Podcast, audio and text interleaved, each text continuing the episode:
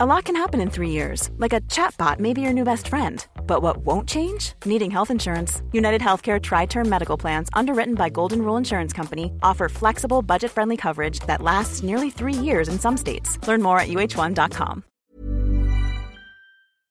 Ukas annonsør i Foreldrerådet er Ekstra. Det er grillsesong.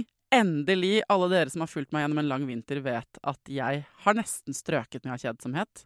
Men nå kan vi spise ute, vi kan leve ute, vi kan henge ute, og vi kan grille. Ekstra har sitt største grillutvalg noensinne, og hør godt etter nå. Her er en del av grillutvalget deres.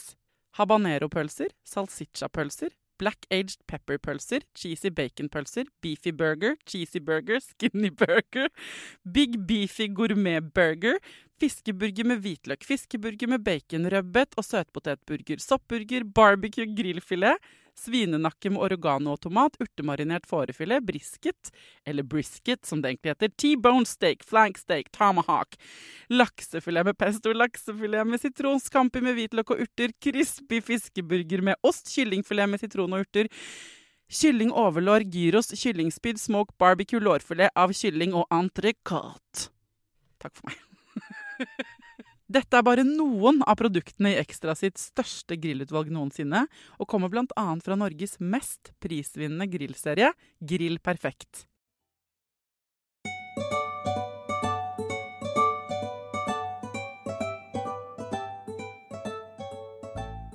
Å lage Foreldrerådet har jo siden start til dels vært et prosjekt for å forstå mitt eget liv som mor. Ikke sant? Det var der jeg begynte da jeg eh, startet Foreldrerådet. Da tok jeg utgangspunkt i mine egne utfordringer. Og så har det blitt et gruppearbeid. Eh, og, så er det sånn at noen ganger så lager jeg også episoder jeg veldig, veldig, veldig mye trenger å lage for, for meg sjæl. Eh, heldigvis er jeg jo ikke alene om å ha de utfordringene jeg har. Det vet jeg veldig godt. Og jeg har fått mange meldinger fra folk før sommeren og gjennom sommeren, og tidligere egentlig også, om dette med preteens. Hva er en preteen? Nå er jo jeg mammaen til en preteen selv, ikke sant? tid man er tolv år. Hva er det som skjer i kroppene til barna våre når de går liksom fra barn til ungdom? Hva er det som skjer emosjonelt og psykologisk? Er det noe vi bør vite om? Um, hvordan takler vi de nye utfordringene. Eh, jeg ser på en måte for meg alle preteens-foreldre nikke rundt meg eh, der ute. Ja, så Hvordan takler vi de utfordringene på en god måte, og er liksom gode foreldre for store barn som er på en måte små også? Hjertelig velkommen til Foreldrerådet, folkens.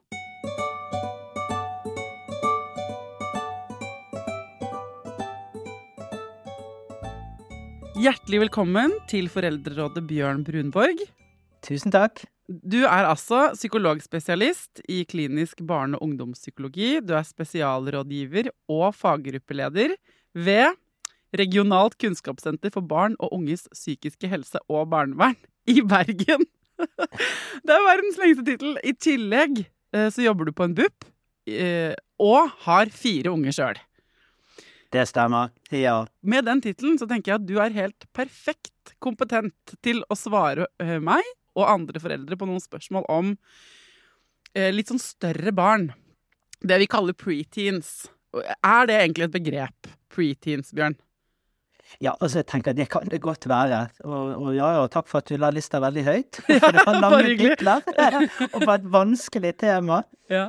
Og, og uh, preties, ja, det er jo noe med denne alderen, sant. At det er helt sånn du slutter å være litt barn, og så begynner du å være litt ungdom.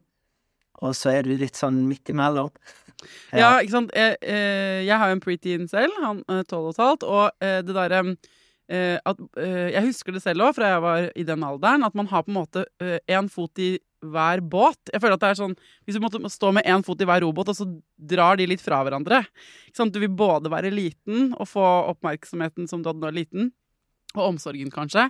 Og så i det neste øyeblikket så vil du være den kjempestor og klare deg selv på alt og ikke få noen råd om noen ting.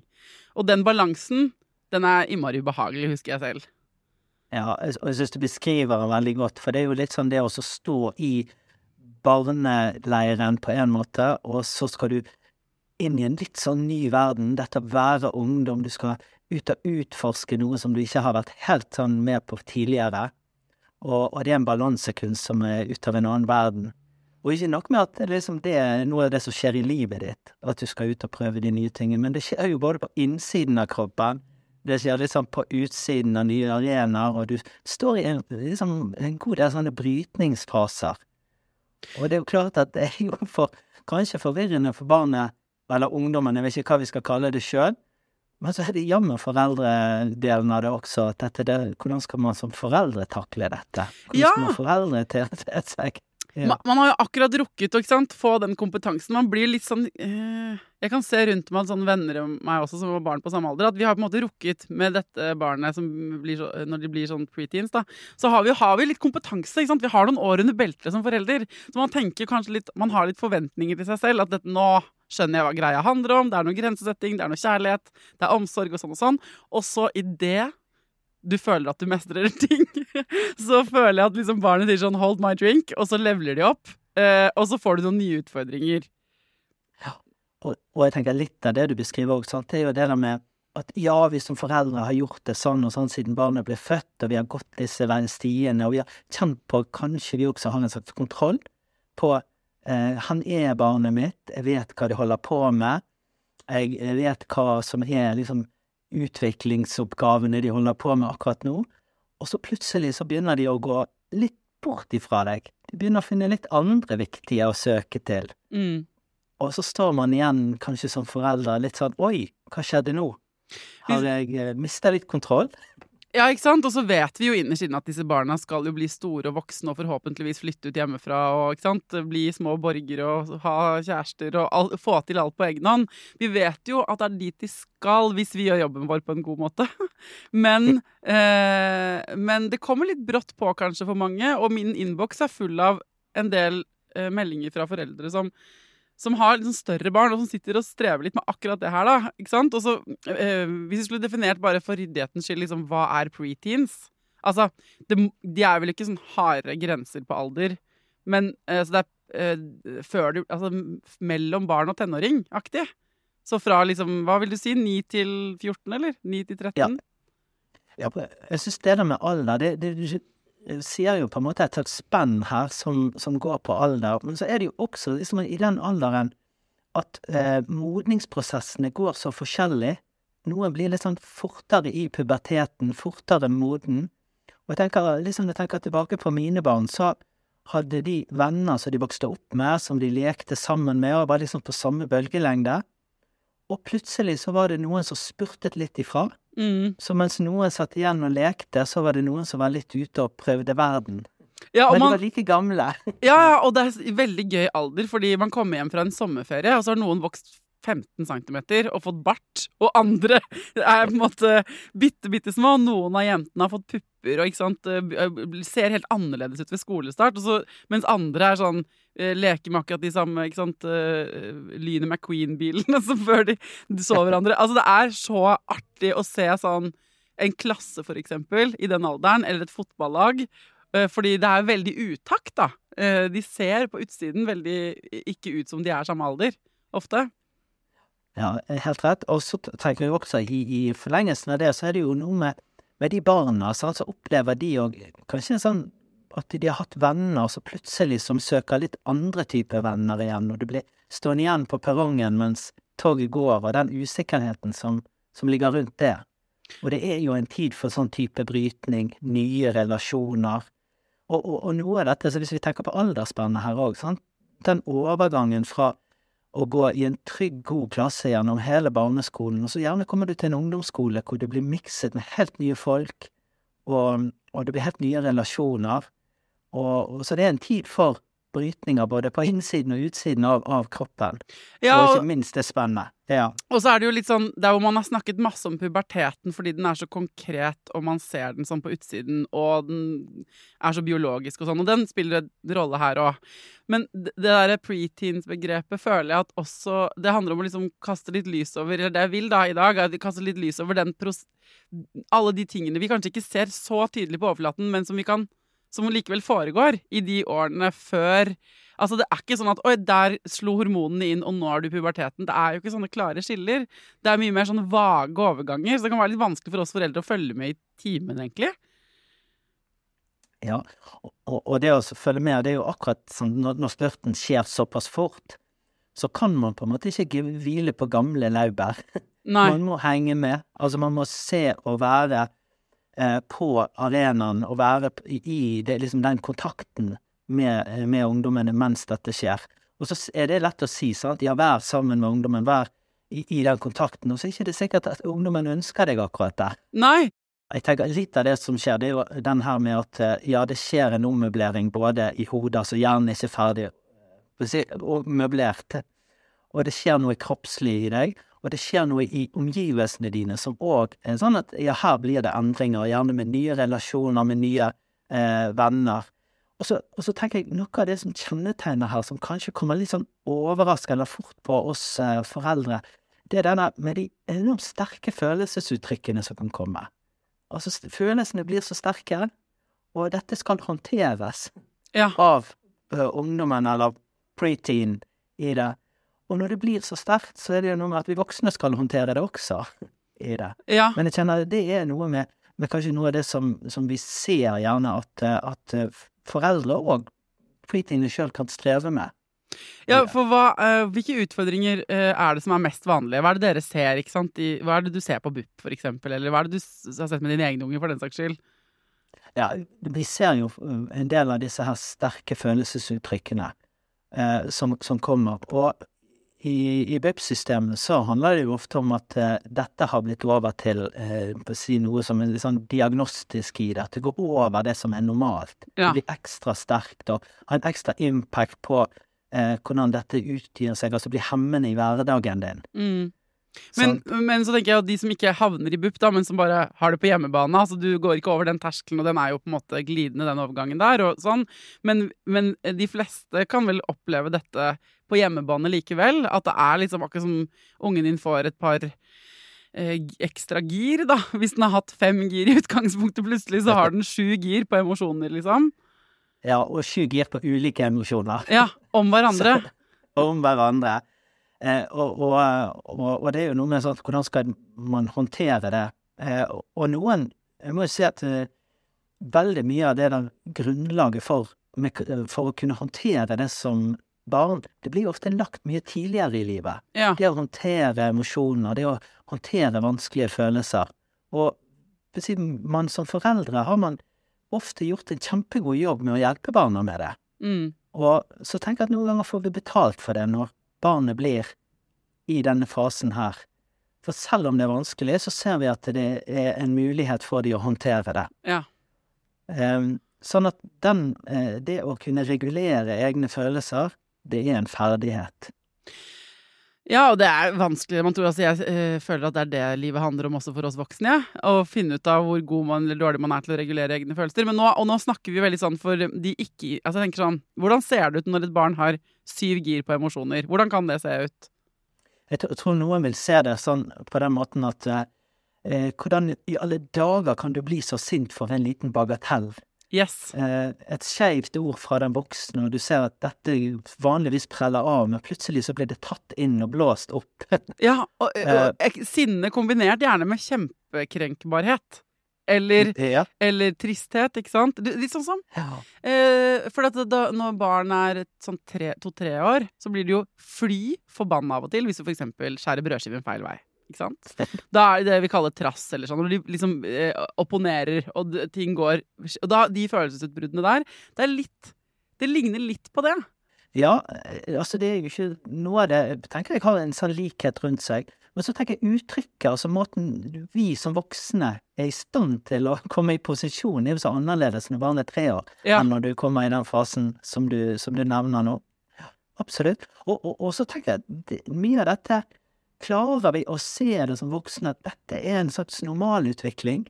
Dette er en måte for barnet å så bevege seg vekk fra den voksne som hele tiden har vært den aller viktigste, og begynne å stå på disse egne beina, begynne å se at jeg, nå utforsker jeg verden, men jeg, jeg gjør det med alle disse eh, emosjonene med meg. Mm. Så egentlig en per periode hvor det, vi lett kan tenke at eh, ja, når du har det såpass vanskelig på innsiden, så bør det i hvert fall være sånn at vi, de trenger oss voksne for å hjelpe seg. Ja. Men samtidig er de i en periode hvor de skal bevege seg litt bort fra oss. Ja, men det kan jo Så bli så ensomt, ikke sant? Ja, hvis de ja. trekker Hvis uh, du som uh, pappa uh, ser at datteren din både er kjempesint, blir kjempesint på deg under middagen fordi du sier et eller annet som er feil, og så blir innmari krenka over at du sier sånn OK, men det var vel ikke noe ikke sant? Du reagerer på at hun blir sint, så blir hun kjempekrenka, går fra bordet, låser seg inne på rommet. Og så vil hun ikke snakke med deg. Så vet jo du at ungen din sitter der oppe og ikke har det noe koselig. Så vil, det, det du vil mer enn noe annet, er at dere skal liksom få, få snakka om hva det egentlig er, eller få ryddet opp. Men den døren er låst. Ja, den døren er låst, og det kan være fordi at barnet er både sint, og det kan òg være fordi at det er lei seg, og det kan ha disse sterke følelsene. Og jeg tror noen foreldre der kanskje bør tenke igjennom eh, er, det, er dette det riktige tidspunktet for å gå inn og nettopp få diskutert dette, eller få få hørt hva det handler om. Ja. For hvis kroppen til dette barnet er så full av adrenalin, og det er så full av følelser, så er gjerne ørene litt mer lukka. Ja. Altså, det, de er ikke, er ikke så tilgjengelig for den refleksjonen som ofte det trenger, sant? Så noen ganger tenker jeg at det, ja, la barnet få roe seg ned, la barnet få ta igjen kontrollen, Mm. Og la oss få litt avstand til det, sånn at vi kan snakke om det på en litt sånn rolig, god måte, og, og reflektere høyt sammen. Mm. For vi er, det kjenner du som voksne òg, sant, når vi er på det mest oppbrakte, så er jo ikke alltid vi er på det lureste.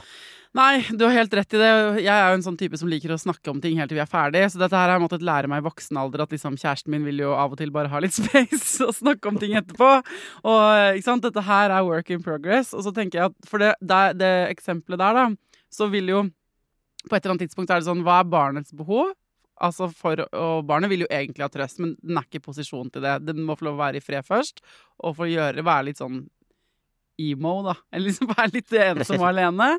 Og så, når det har roet seg ned, um, så kan man kanskje snakke sammen. Men den voksne har jo også noen følelser i denne situasjonen, ikke sant? Jeg som bor, kan jo bare Men jeg trenger For ellers så blir hele min kveld ødelagt når jeg vet at min unge sitter der oppe og er 14, da. Hvis dette hadde vært min Ja. datter.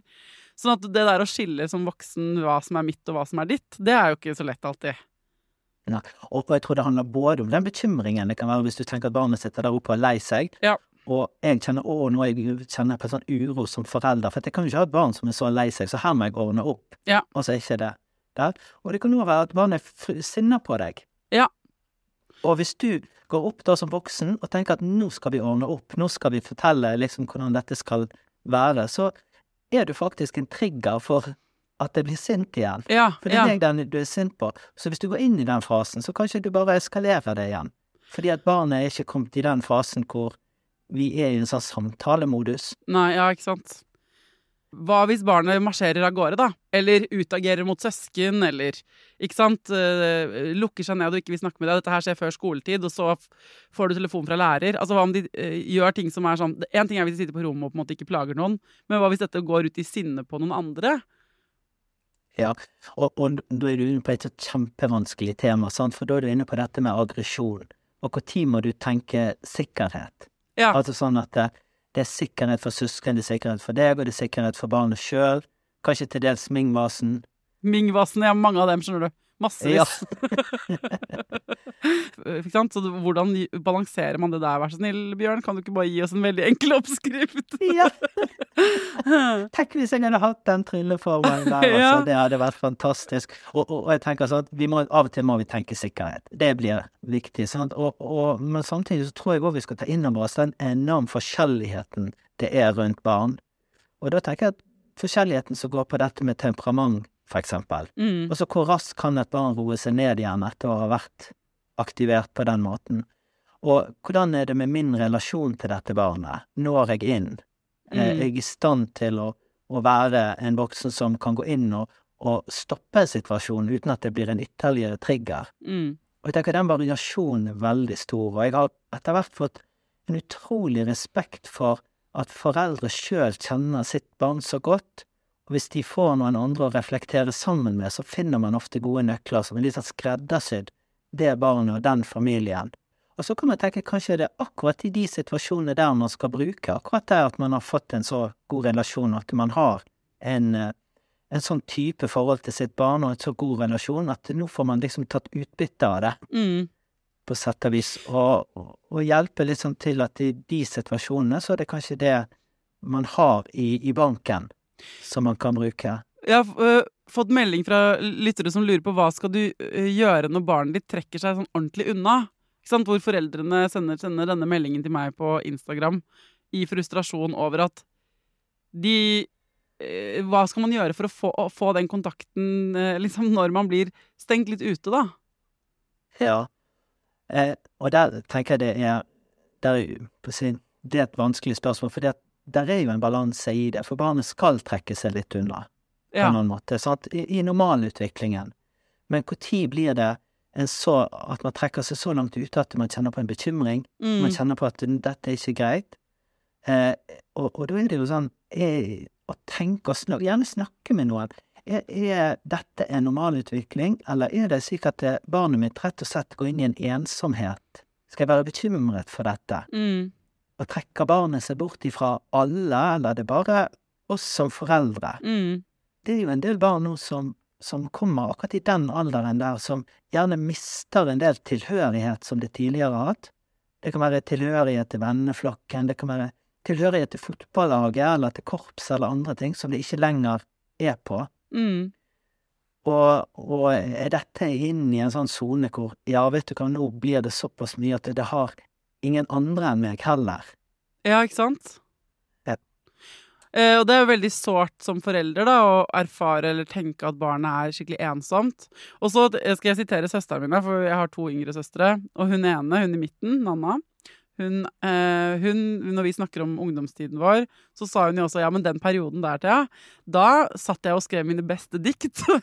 fordi, fordi i den der ensomheten Eller sånn, jeg kan også minnes da, For, det første minnes jeg at hun skrev dikt, og at jeg latterliggjorde henne veldig og mobbet henne veldig for det, for jeg var tre år eldre. Eh, så det har jeg beklaget til henne i voksen, voksen alder.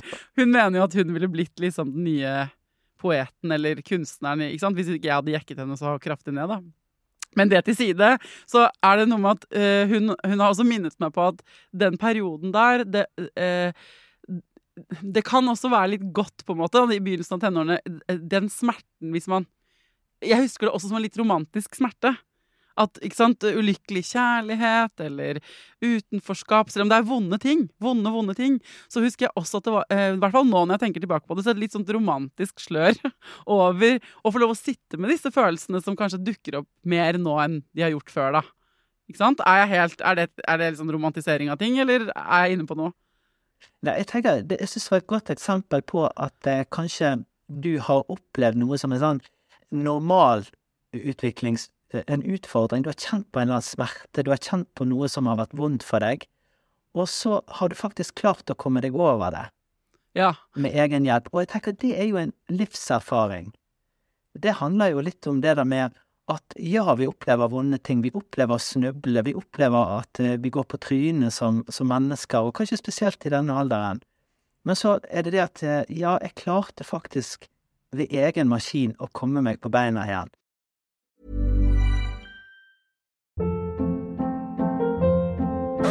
Hold up. What was that? Boring. No flavor. That was as bad as those leftovers you ate all week. Kiki Palmer here, and it's time to say hello to something fresh and guilt-free. Hello Fresh. Jazz up dinner with pecan-crusted chicken or garlic butter shrimp scampi. Now that's music to my mouth. Hello Fresh. Let's get this dinner party started. Discover all the delicious possibilities at hellofresh.com. Hey, it's Ryan Reynolds, and I'm here with Keith, co star of my upcoming film, If, only in theaters, May 17th. Do you want to tell people the big news? All right, I'll do it. Sign up now and you'll get unlimited for $15 a month in six months of Paramount Plus Essential Plan on us. Mintmobile.com slash switch. Upfront payment of $45 equivalent to $15 per month. Unlimited over 40 gigabytes per month. Face lower speeds. Videos at 480p. Active Mint customers by 531.24 get six months of Paramount Plus Essential Plan. Auto renews after six months. Offer ends May 31st, 2024. Separate Paramount Plus registration required. Terms and conditions apply if rated PG. Quality sleep is essential. That's why the Sleep Number Smart Bed is designed for your ever evolving sleep needs. Need a bed that's firmer or softer on either side? Helps you sleep at a comfortable temperature? Sleep Number Smart Beds let you individualize your comfort so you sleep better together. JD Power ranks Sleep Number number 1 in customer satisfaction with mattresses purchased in-store. And now, save 50% on the Sleep Number limited edition Smart Bed for a limited time. For JD Power 2023 award information, visit jdpower.com/awards. Only at a Sleep Number store or sleepnumber.com. Ja, vært, jeg hadde sikkert blitt veldig irritert hvis jeg hadde hørt meg selv som voksen når jeg satt og var lei meg, at jeg satt og sa dette her sant, i en podkast. Det er jo ikke sånn det føltes der og da. Søsteren min syntes det var kult å skrive de diktene og sånn, men jeg, altså, i øyeblikket så er man jo veldig i, i det, ikke sant? Og da er det sikkert helt, da er det jo veldig forferdelig. Jeg bare tenker at hvis de som hører på nå, som har store barn, tenker sånn Fader, det er deilig å høre Bjørn fortelle at det er helt vanlig med alle disse store følelsene, og at det ikke nødvendigvis er farlig at barnet mitt er skikkelig lei seg eller sinna eller kjenner på disse store følelsene.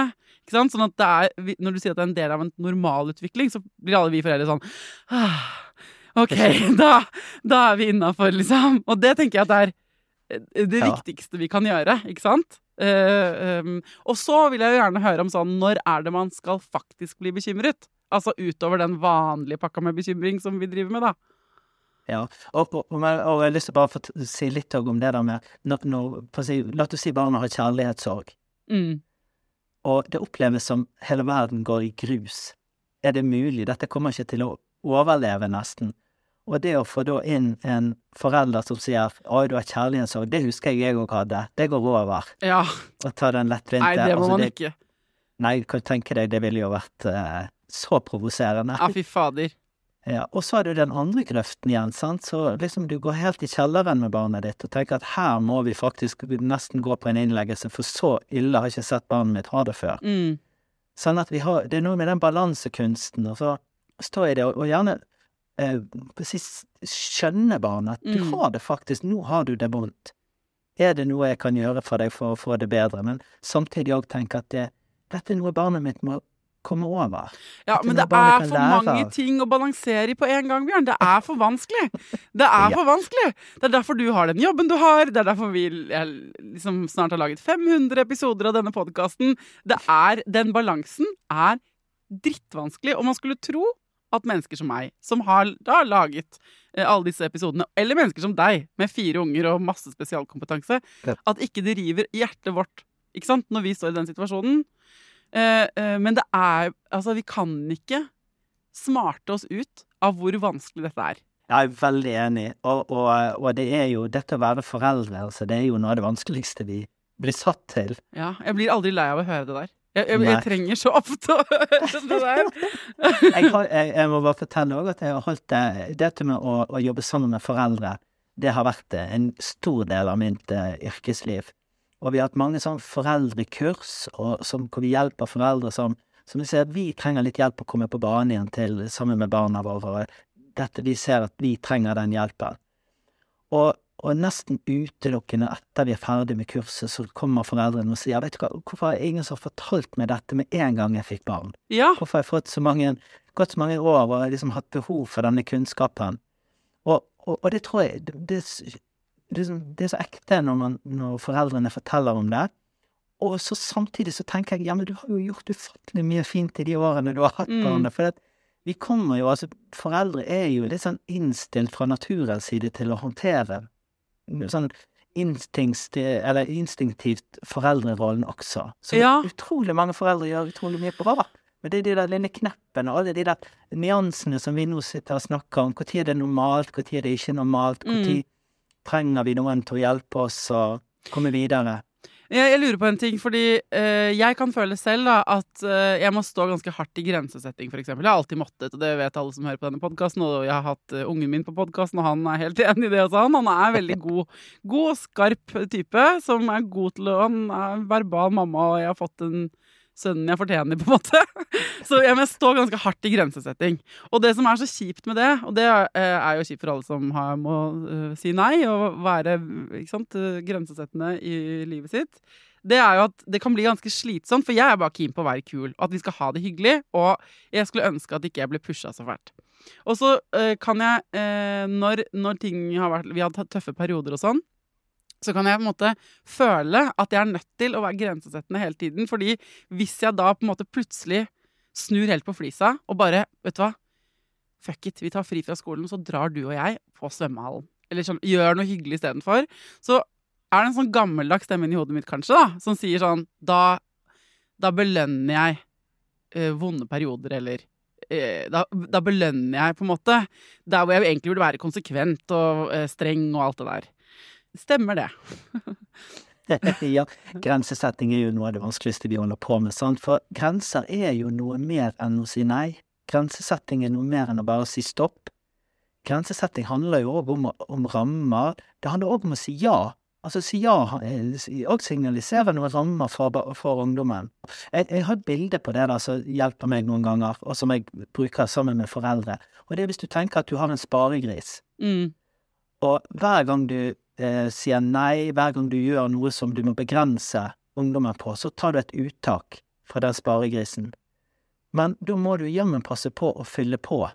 Ja, ikke sant? Nettopp. Og da fyller du på med de gode opplevelsene, du fyller på med de gode samtalene, med de gode relasjonene. Mm. Og du kan jo ikke bare gjøre uttak på uttak, her må du fylle på. Og jo flere uttak du tar, jo mer må du fylle på. Ja, bra, for det er litt sånn hvis, eh, Jeg har tenkt på det fordi eh, i et parforhold, for eksempel, hvis jeg og kjæresten min har en tøff periode, eller man har, man har konflikt gående på jobben, på en måte, så drar man jo på teambuilding. Altså, Man sitter ikke bare og konfliktløser, ikke sant? Og hvis Knut og jeg, da, min kjæreste og jeg, hvis vi har en tøff, så tenker jeg på et eller annet tidspunkt så kan vi holde på med disse tingene, som jo Det er ikke det at vi ikke de tingene som vi trenger å løse opp i, fortsatt At vi må fortsatt jobbe med det, men kan vi ta en avstikker fra det for en ettermiddag og gjøre noe hyggelig? Sånn at vi kan fortsette å jobbe med det som er vanskelig. Er det, har jeg forstått det riktig da? Ja, jeg, jeg tenker det er egentlig et godt eksempel på hvordan man fyller på en sparegris underveis Ja. i det. Og, og så er det jo òg noe annet som jeg tenker rundt grensesetting for denne aldersgruppen. Og det er at eh, man er jo kommet opp i en alder hvor det er sånn greit å kunne sette seg ned og tenke og snakke med disse her. Hvilke grenser skal vi ha hos oss? Mm. At man kan eh, drøfte det sammen, og kanskje lage de sammen. Mm. Og det er jo klart at jeg vet jo, vi mennesker er jo sånn at vi har en tilbøyelighet til å kanskje i større grad holde oss til de grensene vi sjøl har vært med å sette, enn de som blir bare satt for oss. Ja. Kanskje spesielt i denne alderen.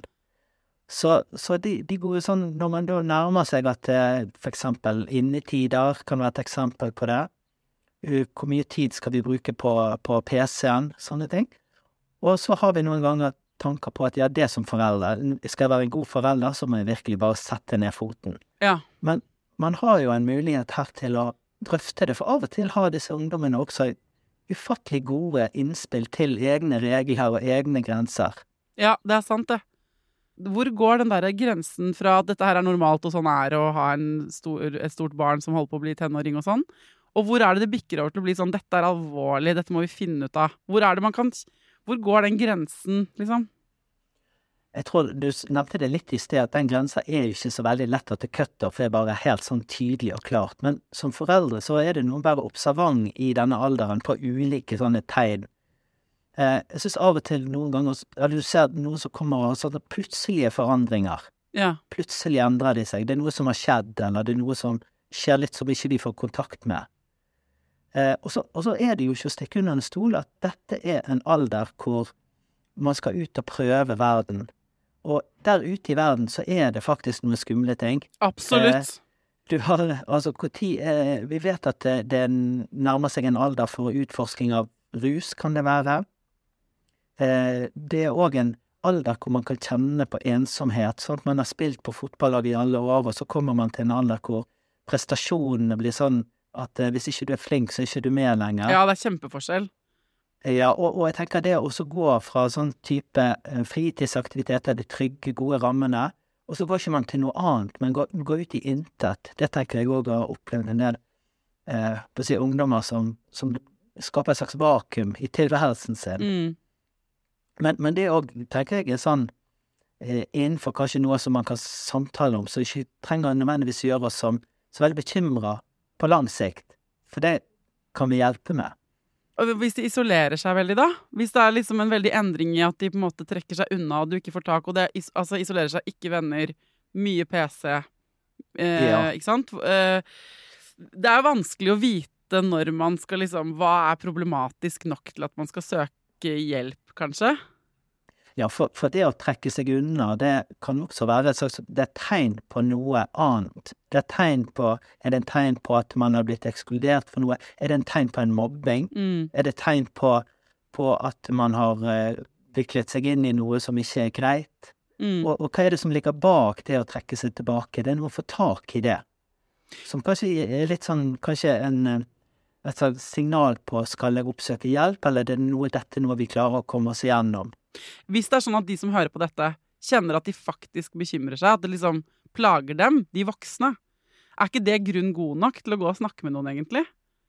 Jo, jeg har jo veldig respekt for det der, at det å rett og slett drøfte med noen, snakke med noen. Mm. Og det kan være andre foreldre, men vi har jo også et sånt et ganske godt hjelpeapparat, hvor du har noen sånn lavterskelsteder du kan gå og få gode råd.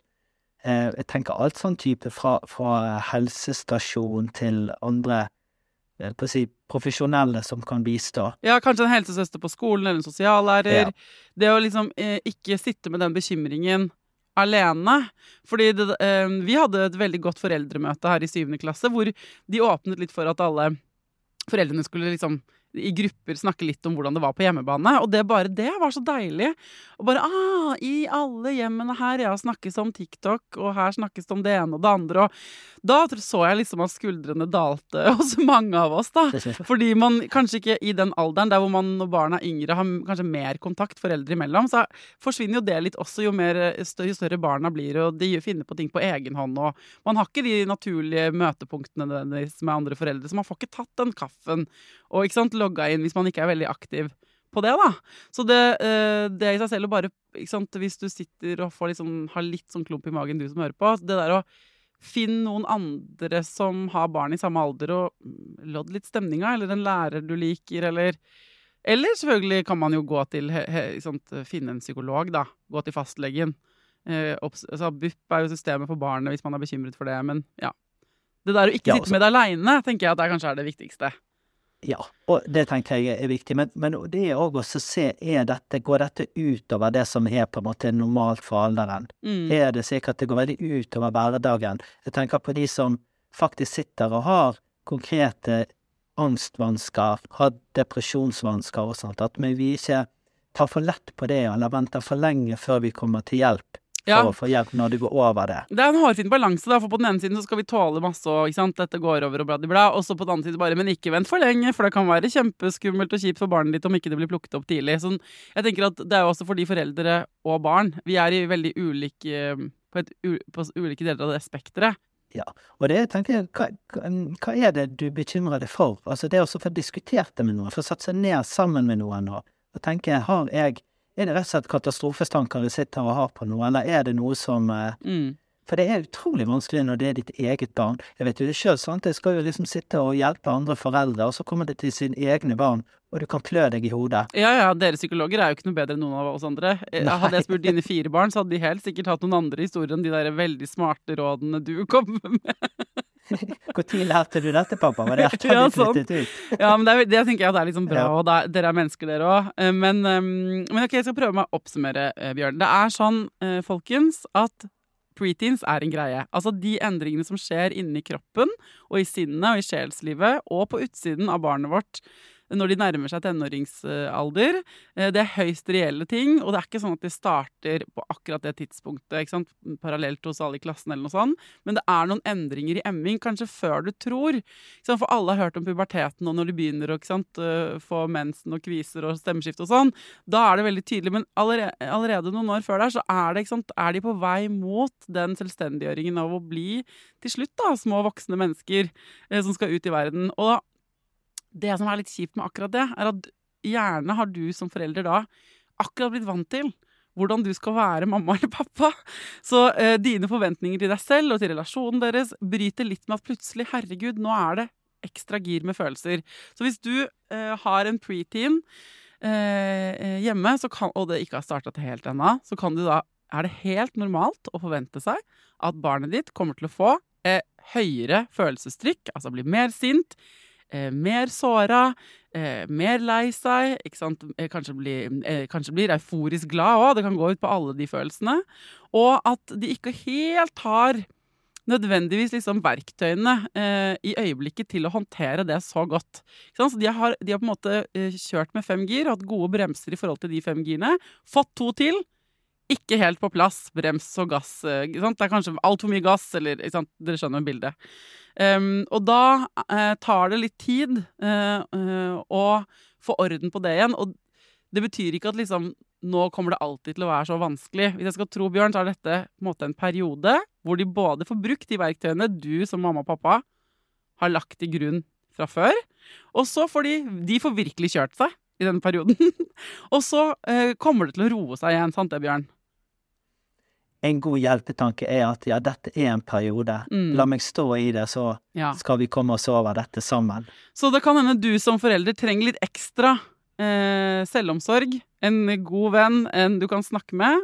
Og så, hvis du faktisk er bekymret for barnet ditt fordi det trekker seg unna, det er noen veldig brå endringer, eh, barnet ditt er så sinna at det går utover andre relasjoner eller det blir problemer, ikke sant, Eh, de får veldig rare nye venner, og du vet ikke hva de driver med og sånn, og du har en klump av bekymring, da er det lurt å søke litt hjelp og veiledning. Absolutt. Ja. Og samtidig også få diskutert er dette en bekymring som er så stor som jeg kjenner på. Ja, ikke sant? Eller er det jeg som er veldig redd for den Ming-vasen? Er jeg uhåndterlig utrolig redd for den Ming-vasen, på en måte? Og så syns jeg det var veldig fint det der bildet med den sparebøssen òg. Mye porselen i denne samtalen her. Men eh, den sparebøssen hvor på en måte, hvis det er en tøff periode, hva er det dere kan finne på som er koselig? Ikke sant? Hvordan kan du styrke det båndet igjen? Hvordan, ikke bare for ungen din, men for deg òg. Hva er det dummeste vi gjør, Bjørn? Jeg tror faktisk noe av det dummeste vi kan gjøre, det er å tenke at um, ja, nå holder um, min ungdom på og ikke trenger meg i så stor grad, så nå kan jeg lene meg tilbake. Nå, det, nå er jeg ferdig med jobben. Her er det en periode vi må være på. Selv om barnet trekker seg litt vekk, er, finner nye relasjoner, skal ut og utforske verden, så trenger de oss både som en god, trygg havn Mm. i, i livet sitt. Og det å ha en sånn trygg havn, det trenger vi faktisk hele livet. Ja. Og så tenker jeg òg litt eh, det, er sånn det dummeste man kan gjøre så En av de tingene som jeg opplever foreldre kommer og sier at eh, dette strever jeg med, det er de at eh, barnet kommer, og så eh, kan det være fryktelig sinna, og så har man gjort noe som ikke er så smart, og så er det vi som voksne som kjefter. Mm.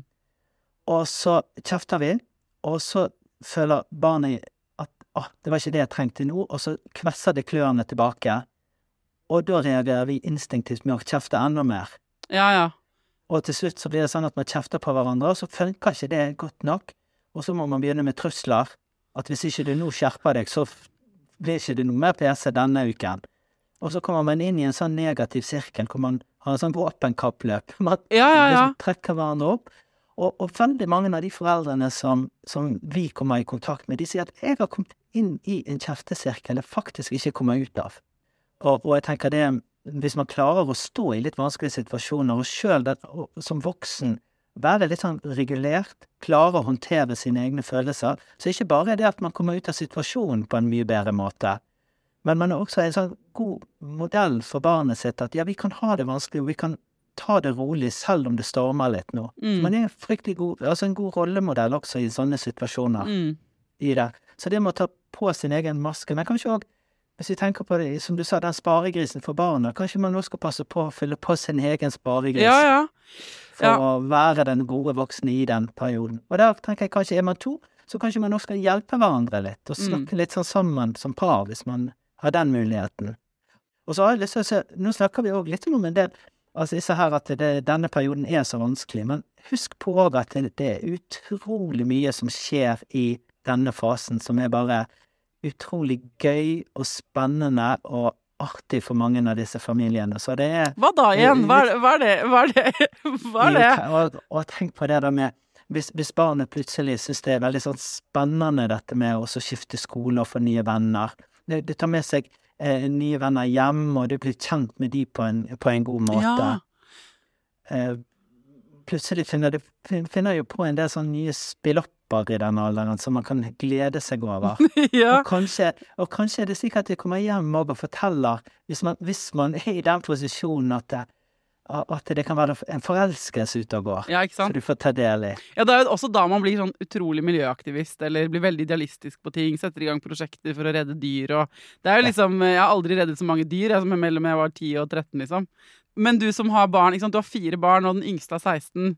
Bare liksom på privaten her, eh, blir det på en måte bedre, eller blir det bare mer og mer krevende? Altså, nå har vi snakket om liksom det er vanskelig med spedbarn ofte, det er krevende med søvn, ikke sant? så kommer trass etter hvert, og så er det oppdrag, Så har du noen hvileperioder kanskje innimellom der. Eh, og så er det preteens, og så kommer man inn i tenårene og pubertet.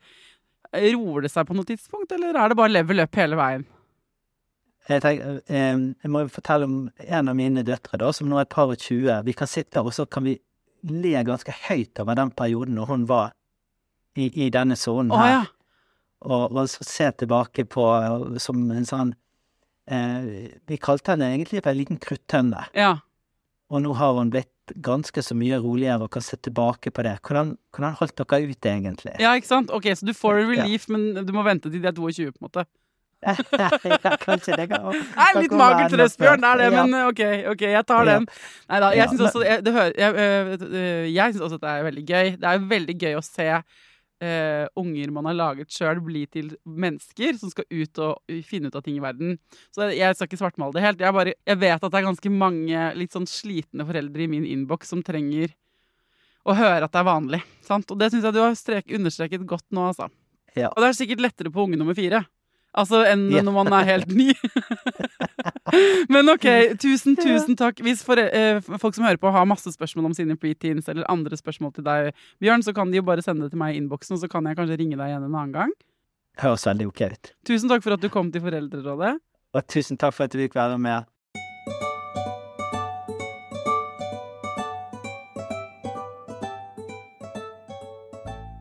Hvis du har spørsmål om din preteen, eller ditt store barn, store lille barn, eller tilbakemeldinger sant, på hva vi har snakket om i dag. Um, andre temaer for også liksom de eldre barna. Det kan godt være du har spørsmål og temaer til enda eldre barn òg. Tenåringer eller enda eldre enn det igjen. Send dem min vei. Send dem i innboksen til Foreldrerådet uh, på Instagram. Eller til foreldreradet at gmail.com. Uh, det er et gruppearbeid, ikke sant. Og så skriver jeg opp temaene og inviterer gjester som uh, kan svare på det vi lurer på. Det er sånn det funker. takk for at du hører på. Det gjør meg veldig, veldig glad. Til neste gang, ta vare på deg sjæl, ta vare på ungen din, og lykke til.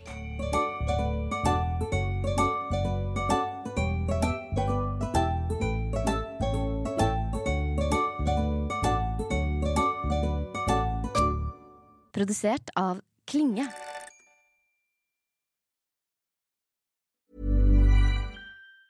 Hey, it's Danny Pellegrino from Everything Iconic. Ready to upgrade your style game without blowing your budget? Check out Quince. They've got all the good stuff shirts and polos, activewear, and fine leather goods, all at 50 to 80% less than other high end brands. And the best part? They're all about safe, ethical, and responsible manufacturing. Get that luxury vibe without the luxury price tag. Hit up quince.com slash upgrade for free shipping and 365 day returns on your next order. That's quince.com slash upgrade.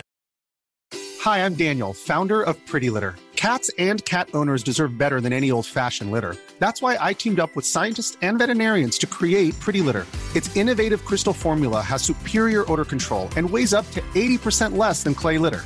Pretty Litter even monitors health by changing colors to help detect early signs of potential illness. It's the world's smartest kitty litter. Go to prettylitter.com and use code ACAST for 20% off your first order and a free cat toy. Terms and conditions apply. See site for details.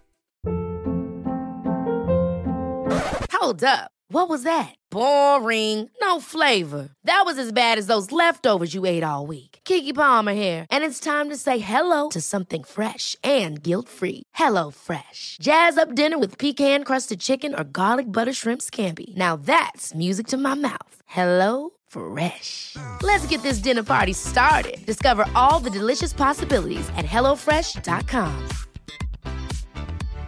Hi, I'm Daniel, founder of Pretty Litter. Cats and cat owners deserve better than any old fashioned litter. That's why I teamed up with scientists and veterinarians to create Pretty Litter. Its innovative crystal formula has superior odor control and weighs up to 80% less than clay litter.